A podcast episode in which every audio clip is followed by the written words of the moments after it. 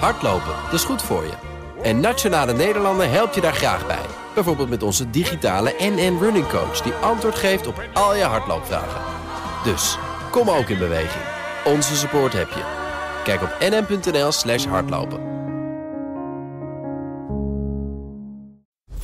BNR Beurs wordt mede mogelijk gemaakt door Bridge Fund. Make money smile. BNR Nieuwsradio. BNR Beurs. Wesley Weerts, Jelle Maasbach. Fijn dat je weer bij ons bent bij de podcast voor de slimme belegger. We staan helaas niet de Polonaise te lopen ergens in een uh, Helaas. carnavalskroeg. Nee, maar het is wel de vrijdag-editie. Ja, toch En- feest. Ja, toch feest. Een extra lange aflevering met aan het eind een vraag van de luisteraar en natuurlijk ook een antwoord. En dat krijg je van onze gast Jos Versteeg van Inzien Gillissen. Maar we beginnen met de Air France KLM. Dat had een goed vierde kwartaal. Sterker nog, het was het beste vierde kwartaal ooit voor het bedrijf. De kisten die waren weliswaar minder bezet dan voor de pandemie. Maar dat werd opgelost door hogere ticketprijzen. Dat eh, resultaat overtrof de verwachtingen van analisten. De omzet die kwam uit op ruim 7 miljard euro en de winst bijna 500 miljoen euro. Ja, terwijl er was gerekend op een verlies van 78 miljoen. Enthousiaste cijfers en ook een enthousiaste CEO van KLM. We hebben er alles aan gedaan om ook zoveel mogelijk mensen weer aan te nemen. Dus wij zijn op orde en daarmee gaan we onze capaciteit ook weer beduidend opschroeven. Dus naar april, mei, juni, juli toe, einde van het jaar op 100% Deze zomer al eh, rond zeker de 95% We hebben de mensen in huis gehaald. Eh, we hopen dat daarmee de beperkingen kleiner worden en uiteindelijk opgelost zijn, zodat wij weer 100% kunnen vliegen. Jos, ik ken je inmiddels een beetje. Ik weet dat je geen hele grote luchtvaartfan bent. Maar word Ja. jij toch een beetje enthousiast van die cijfers van Air France KLM? Nou, ik vind het prachtig dat het eh, ietsjes beter gaat daar. Je moet eh, niet alleen naar het vierde kwartaal kijken. Kijk, het geld verdient, wordt verdiend in het derde kwartaal. Dus dat is verreweg het belangrijkste kwartaal altijd. Ja. Het is mooi dat het eh, ietsjes beter gaat. Maar als je kijkt naar het rendement van het bedrijf... dan is die winst toch altijd veel en veel en veel te laag. Dus eh, ja, ik zie daar voorlopig ook nog niet heel veel verbeteringen. Jullie hadden het over eh, prijs, prijzen verhoogd. Nou, als je nou een voorbeeld neemt van bedrijven die weinig prijskracht hebben, dan zijn het wel luchtvaartmaatschappijen. Vaak hele forse concurrentie. En het probleem is altijd in die luchtvaart, als het ietsjes beter gaat, dan bestelt iedereen weer vliegtuigen erbij en dan gaat de bezettingsgraad weer dalen. Dus eh, ja, hele felle concurrentie daar en echt hele bedroevende rendementen altijd. En dat de koers het vanaf, eh, wat is het, afgelopen zomer ontzettend goed heeft gedaan. Ja, iets van 70% gestegen. Dat moet je wel zien in het licht van de historie. Want eh, het aandeel staat nog steeds 75% onder het niveau van 1991. Nou, je nu het toch over die koersen eh, hebt. EasyJet 55% erbij dit jaar. Ryanair ruim een kwart. Air France KLM zo'n eh, 40%. Maar toch, als je die dan had gehad... Het is een beetje de koer in zijn kont kijken. Maar dan had je toch een lekker rendement eh, gepakt. Ja, hoe heet dat? Het heet het eh, Backwards Looking Equity Fund. Ja. Eh, dat haalt altijd hele goede rendementen. Maar probeer het maar te timen. Dat is echt ongelooflijk moeilijk. De meeste professionele beleggers eh, die spreken ook, die zeggen toch altijd van timing is ontzettend lastig. En dat, dat, dat, dat, dat redden maar heel weinig mensen, een goede timing. En ja, daarom kun je veel beter gewoon in een goed bedrijf eh, beleggen waar je wat langer in kan blijven zitten. Maar toch, analisten van onder meer UBS en Deutsche Bank... die zijn best wel positief. Die laatste die spreekt zelfs van superieure operationele omstandigheden. Nou, als je dan een vooruitziende blik hebt... dan zeggen deze banken, nou, best wel interessant die luchtvaart de komende maanden. Ben Nou ja, een beetje te streng misschien? Op hele korte termijn zou dat misschien, eh, ik, ik weet het niet, maar het zou zomaar kunnen zijn dat het beter gaat. Kijk, iedereen wil reizen. En eh, ja, de, de luchtvaartmaatschappijen nemen mensen aan. Dus die, die be- capaciteitsbeperkingen zijn er dan niet meer. Dus het zou zomaar beter kunnen worden. Maar wat ik zeg, als het beter gaat, dan wordt er altijd weer extra eh, vluchten ingezet. En dan neemt de concurrentie ontzettend toe. Ja, en Dus dat is altijd die enorme kosten. Je zit altijd met, die, met het gekloot met die brandstofprijzen. Nou ja, precies. Dat is een hele, de brandstofprijs is ongeveer een 30% van de, van de kosten. En dat is, meestal eh, hedgen ze dat. Hè. Ja. Dus dan voor een paar maanden vooruit vast liggen. Maar ja, dat kun je nooit al te lang doen. Dus ja, in één keer kan dat weer mee, mee of tegen zitten. Als je kijkt naar de personeelskosten, ook ongeveer 30% van de operationele kosten.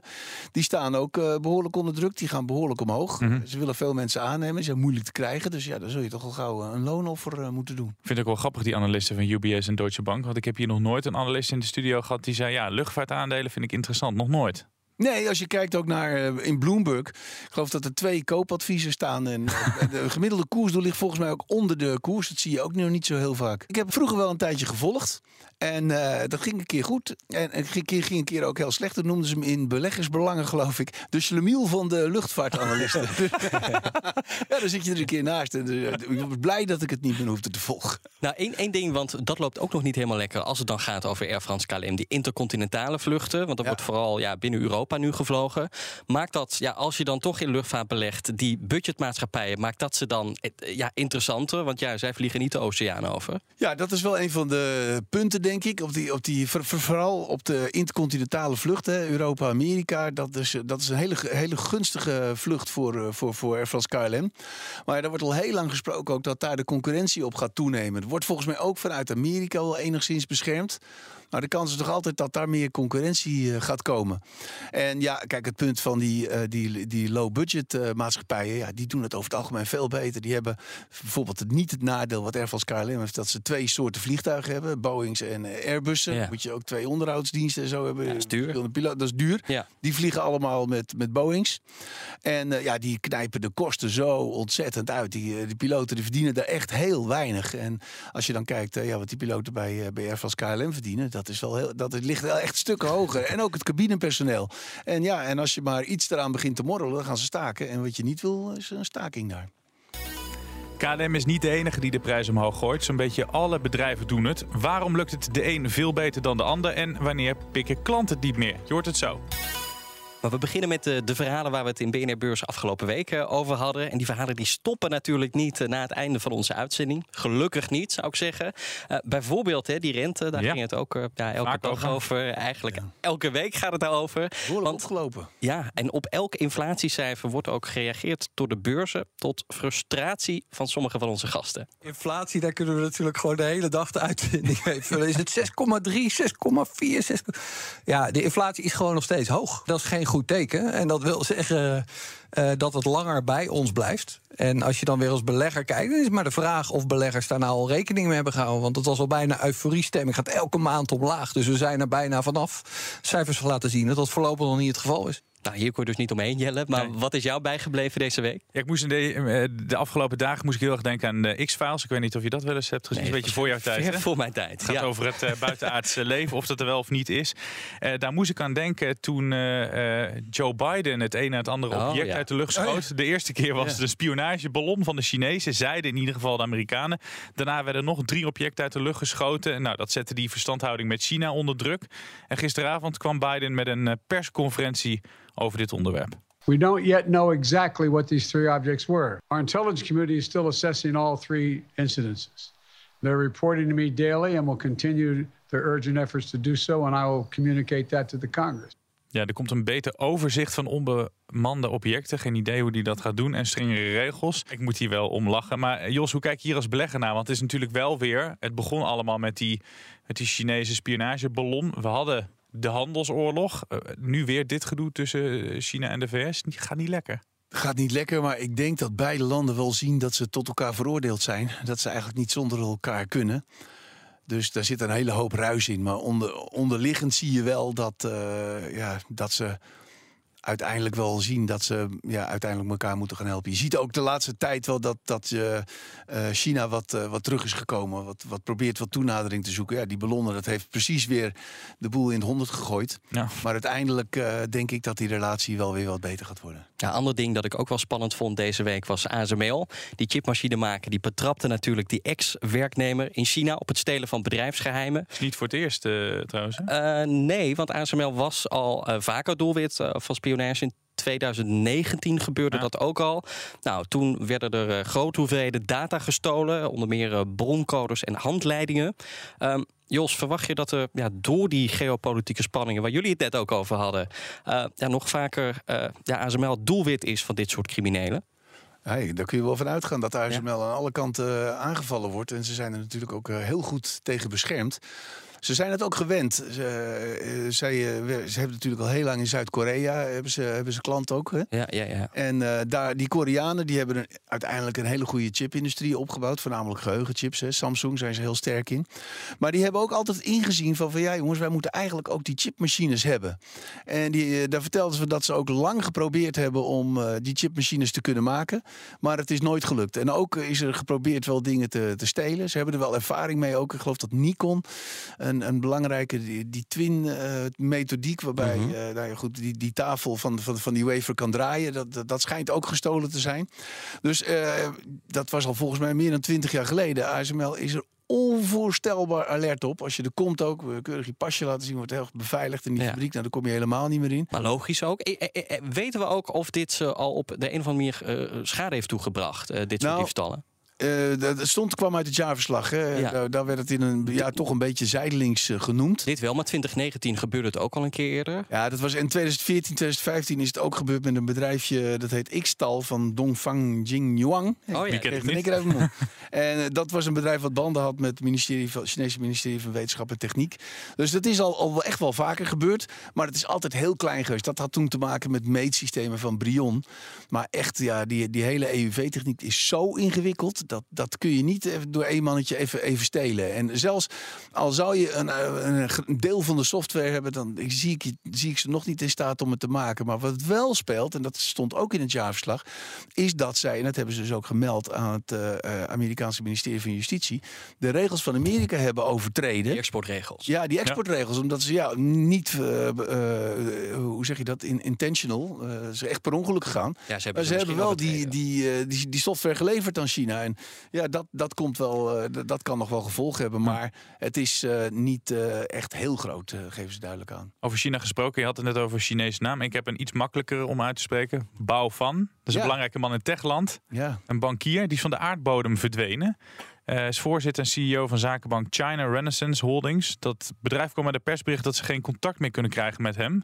Record aantal aandelen verhandeld vandaag stond op een gegeven moment eh 50% lager. Is 28% lager gesloten. En toen moest hij gelijk aan een andere bestuurder denken. Die eh Ja, verdween. ja. En Jack Ma. Ma, Jack Ma.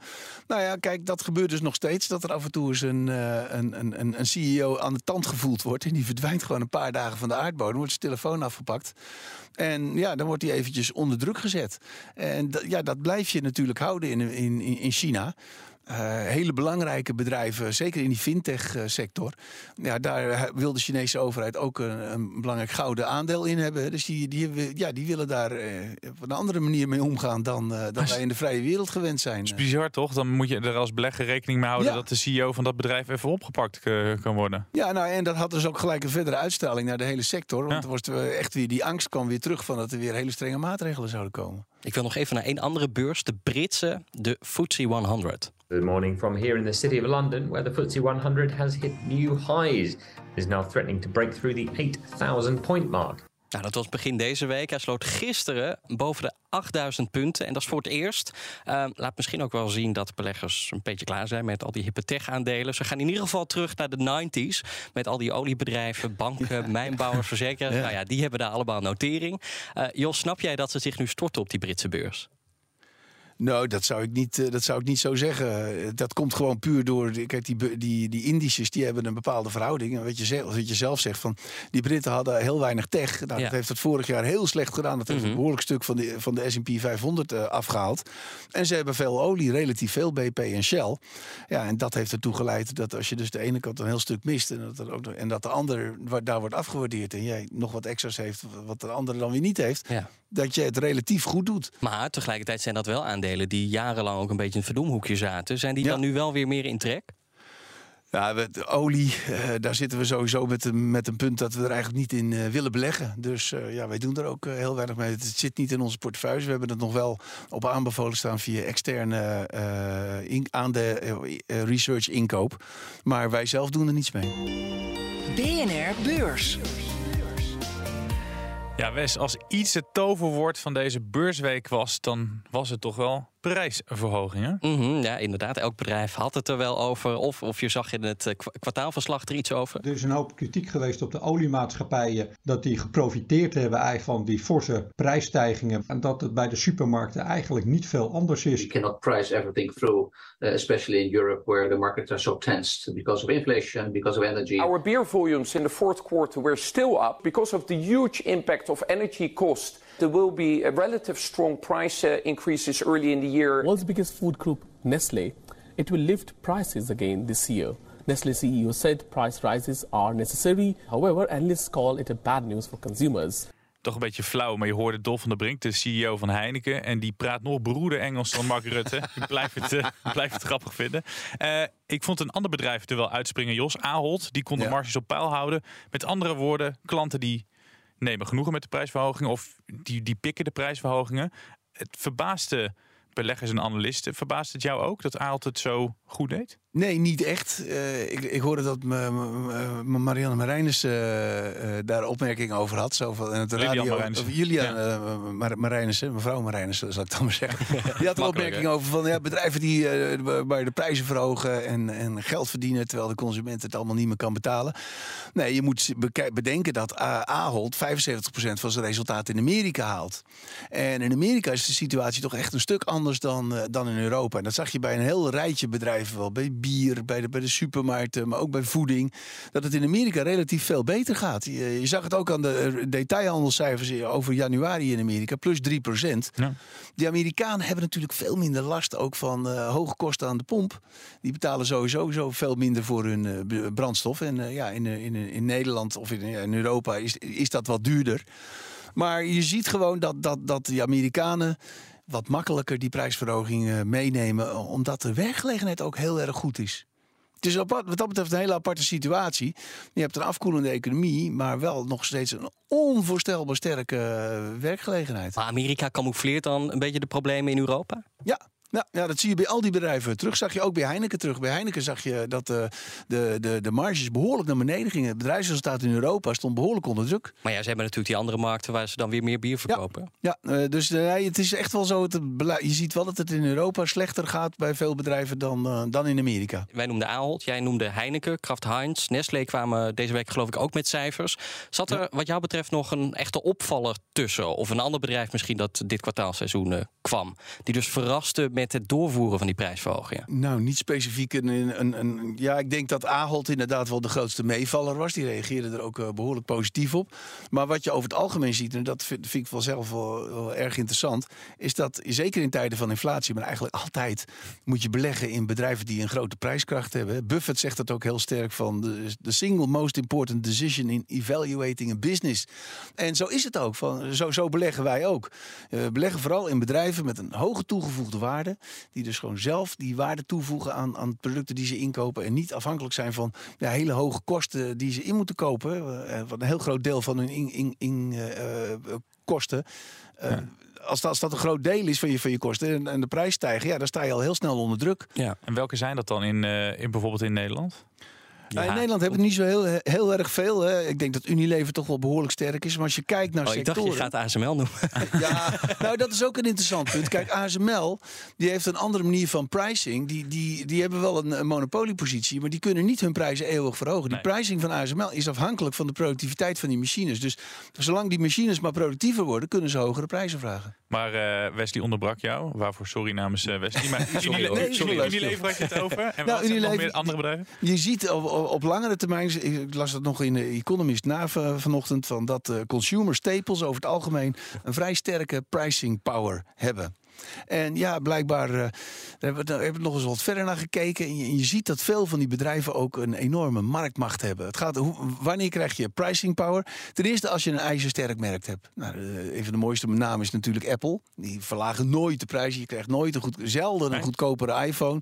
Die worden alleen maar duurder.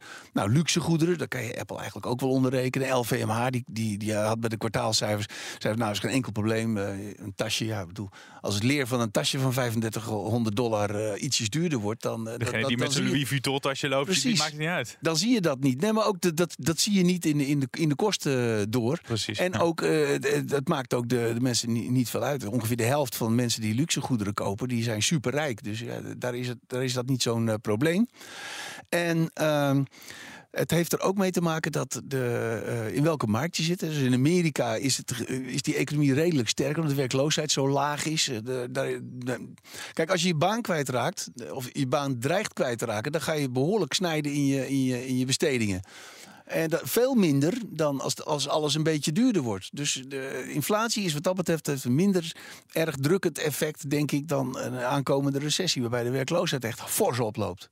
Maar uh, van tevoren was echt de vrees van kunnen de bedrijven de kosten goed doorberekenen. Ja. Als we nu een beetje de balans opmaken, dan kunnen de meesten het nog wel redelijk. Nou, je ziet wel, als je, als je naar de S&P 500 kijkt, dan zie je wel dat de netto-marges die worden gepubliceerd door FactSet uh, Earnings Insight, kun je gewoon op internet vinden, dat de netto-marges wel onder druk staan. Kijk, de economie zwakt af, uh, ja, de kosten lopen op, loonkosten lopen op, rente loopt op. Dus bedrijven worden wel geconfronteerd met hogere kosten. Ze hebben daar wel last van. Maar over het algemeen zijn het bedrijven met een heel sterk merk en vaak ook een grote schaal hebben. En dat wilde ik net nog even vertellen. Zoals bedrijven zoals in de biermarkt. Ja, er heeft uh, vijf bedrijven hebben meer dan de helft van de markt in handen. Daar is die concurrentie ook wat minder. Mhm. En uh, nou, dat geldt bijvoorbeeld ook in die uh, uh, koolzuurhoudende dranken. Daar is Pe Pepsi en, en, en, en Coca-Cola hebben daar 70% van de markt of zo in Amerika. Dus ja. die hebben enorm veel macht. En als je ook kijkt hoe die onderhandelen met supermarkten, die supermarkten onder druk zetten. Ja, hard tegen dus hard. ja, dat gaat hard tegen hard. En ja, zeker die hele grote bedrijven, die hebben enorm veel marktmacht. En in Amerika vinden de, de, de, toezichthouders dat vaak minder erg. Die kunnen wel leven met bedrijven met enorme marktmacht, zolang ze er maar geen misbruik van maken. En ik zeg het vaak, in Europa willen we dat niet. Nee. En dan krijg je dus ook vaak een minder sterk bedrijfsleven. En dus internationaal is dat niet zo handig. Nou, voorafgaand aan dit cijferseizoen hadden we het ook over die, die voorspellingen. En uh, vooral die winstrecessie, die wordt al een tijdje voorspeld. Ja. Winsten zouden echt onder druk komen te staan. Zien we ja, ook nu. Ook wel. Nou ja, ja maar misschien niet in de mate die we vooraf Nee, nee, nee, nee, dat, dat klopt. Omdat, uh, kijk, we verwachten eigenlijk dat er een recessie zou komen. Maar uh, de, de, de, als je naar Amerika kijkt, is de economie echt enorm sterk. Kijk Ja. naar de werkgelegenheidscijfers, kijk naar de detailhandel.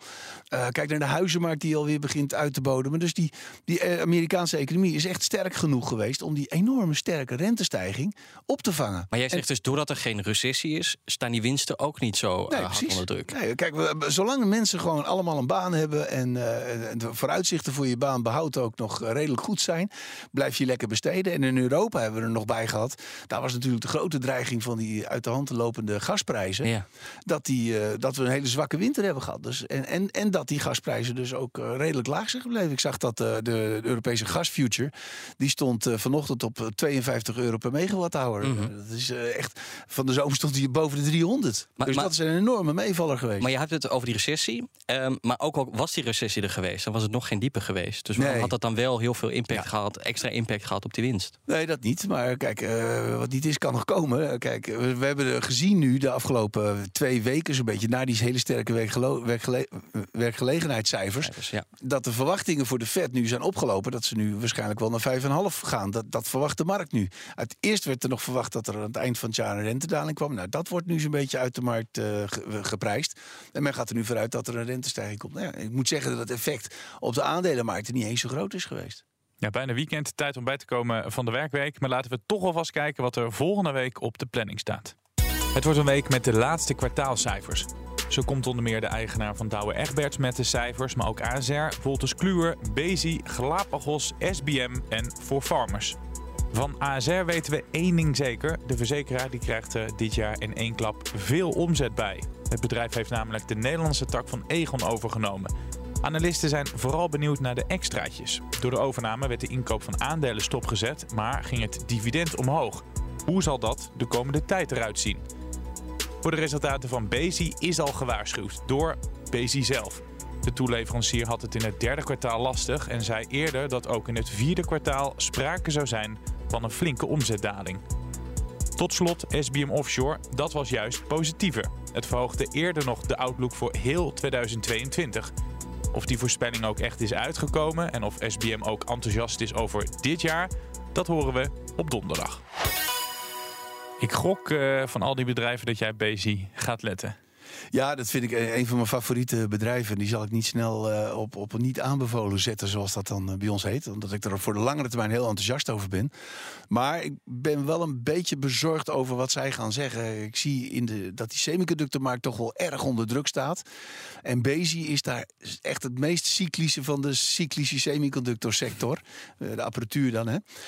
Dus het zou zomaar kunnen zijn dat zij nog wel met een, met, met een voorzichtig bericht komen. Dus daar, daar kan een tegenvaller in zitten. Maar ja, ik zou er niet op handelen, want dat is natuurlijk heel speculatief. Je gaat het weekend natuurlijk altijd in met uh, een tip. En die komt zoals altijd uit het uh, boek van Corné van Zel. Uh, deze keer één of je keuze... Wat? Deze keer eentje... Oh. Of... Gelukkig dat het niet live is. ja, ja. Heeft Corné dat geschreven? verdiep je in je belegging? Ja, verdiep je in. Oké, okay, ja. Koop wat je kent. nou, daarover gesproken. We hebben een uh, luistervraag binnen van Jeroen. En hij vraagt zich af: ja, moet hij nou al zijn geld stoppen in één enkele wereldwijde ETF? Of moet hij actief beleggen en dan individuele aandelen uitkiezen? Nou, hij twijfelt, want jij vindt het een beetje saai om één ETF te kopen. Jos, jij hebt, ik heb jou een beetje laten zien waar hij overal in belegt. Wat zou je tegen hem zeggen? Nou, in de eerste plaats dat ik geen advies kan geven. Dat, dat is, weet ik. Je kent, ja. maar ik vind het echt wel heel lastig. Je, je hebt geen flauw idee wie dat is. En, uh, dat, dat, kan helemaal niet.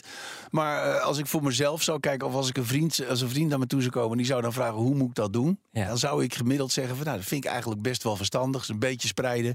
ETF's. Uh, en, en, en omdat je het leuk vindt, misschien nog een paar individuele aandelen. Dus ja, ik denk niet dat dat echt heel erg, heel erg veel is en heel erg veel moeite zou kosten om dat te volgen. Dus ja, toen ik het zo zag, was mijn intuïtieve, intuï, intuïtieve reactie van... nou, het ziet er eigenlijk best goed uit, maar echt met het voorbehoud van... ik kan daar eigenlijk niks over zeggen, want ik ken die man of vrouw niet. Nee, dat snappen we. Nou, dan zijn we nu echt aan het einde gekomen van deze aflevering. Dankjewel, Jos Versteeg van Inzien Gillis. En uh, tot volgende week. Tot maandag.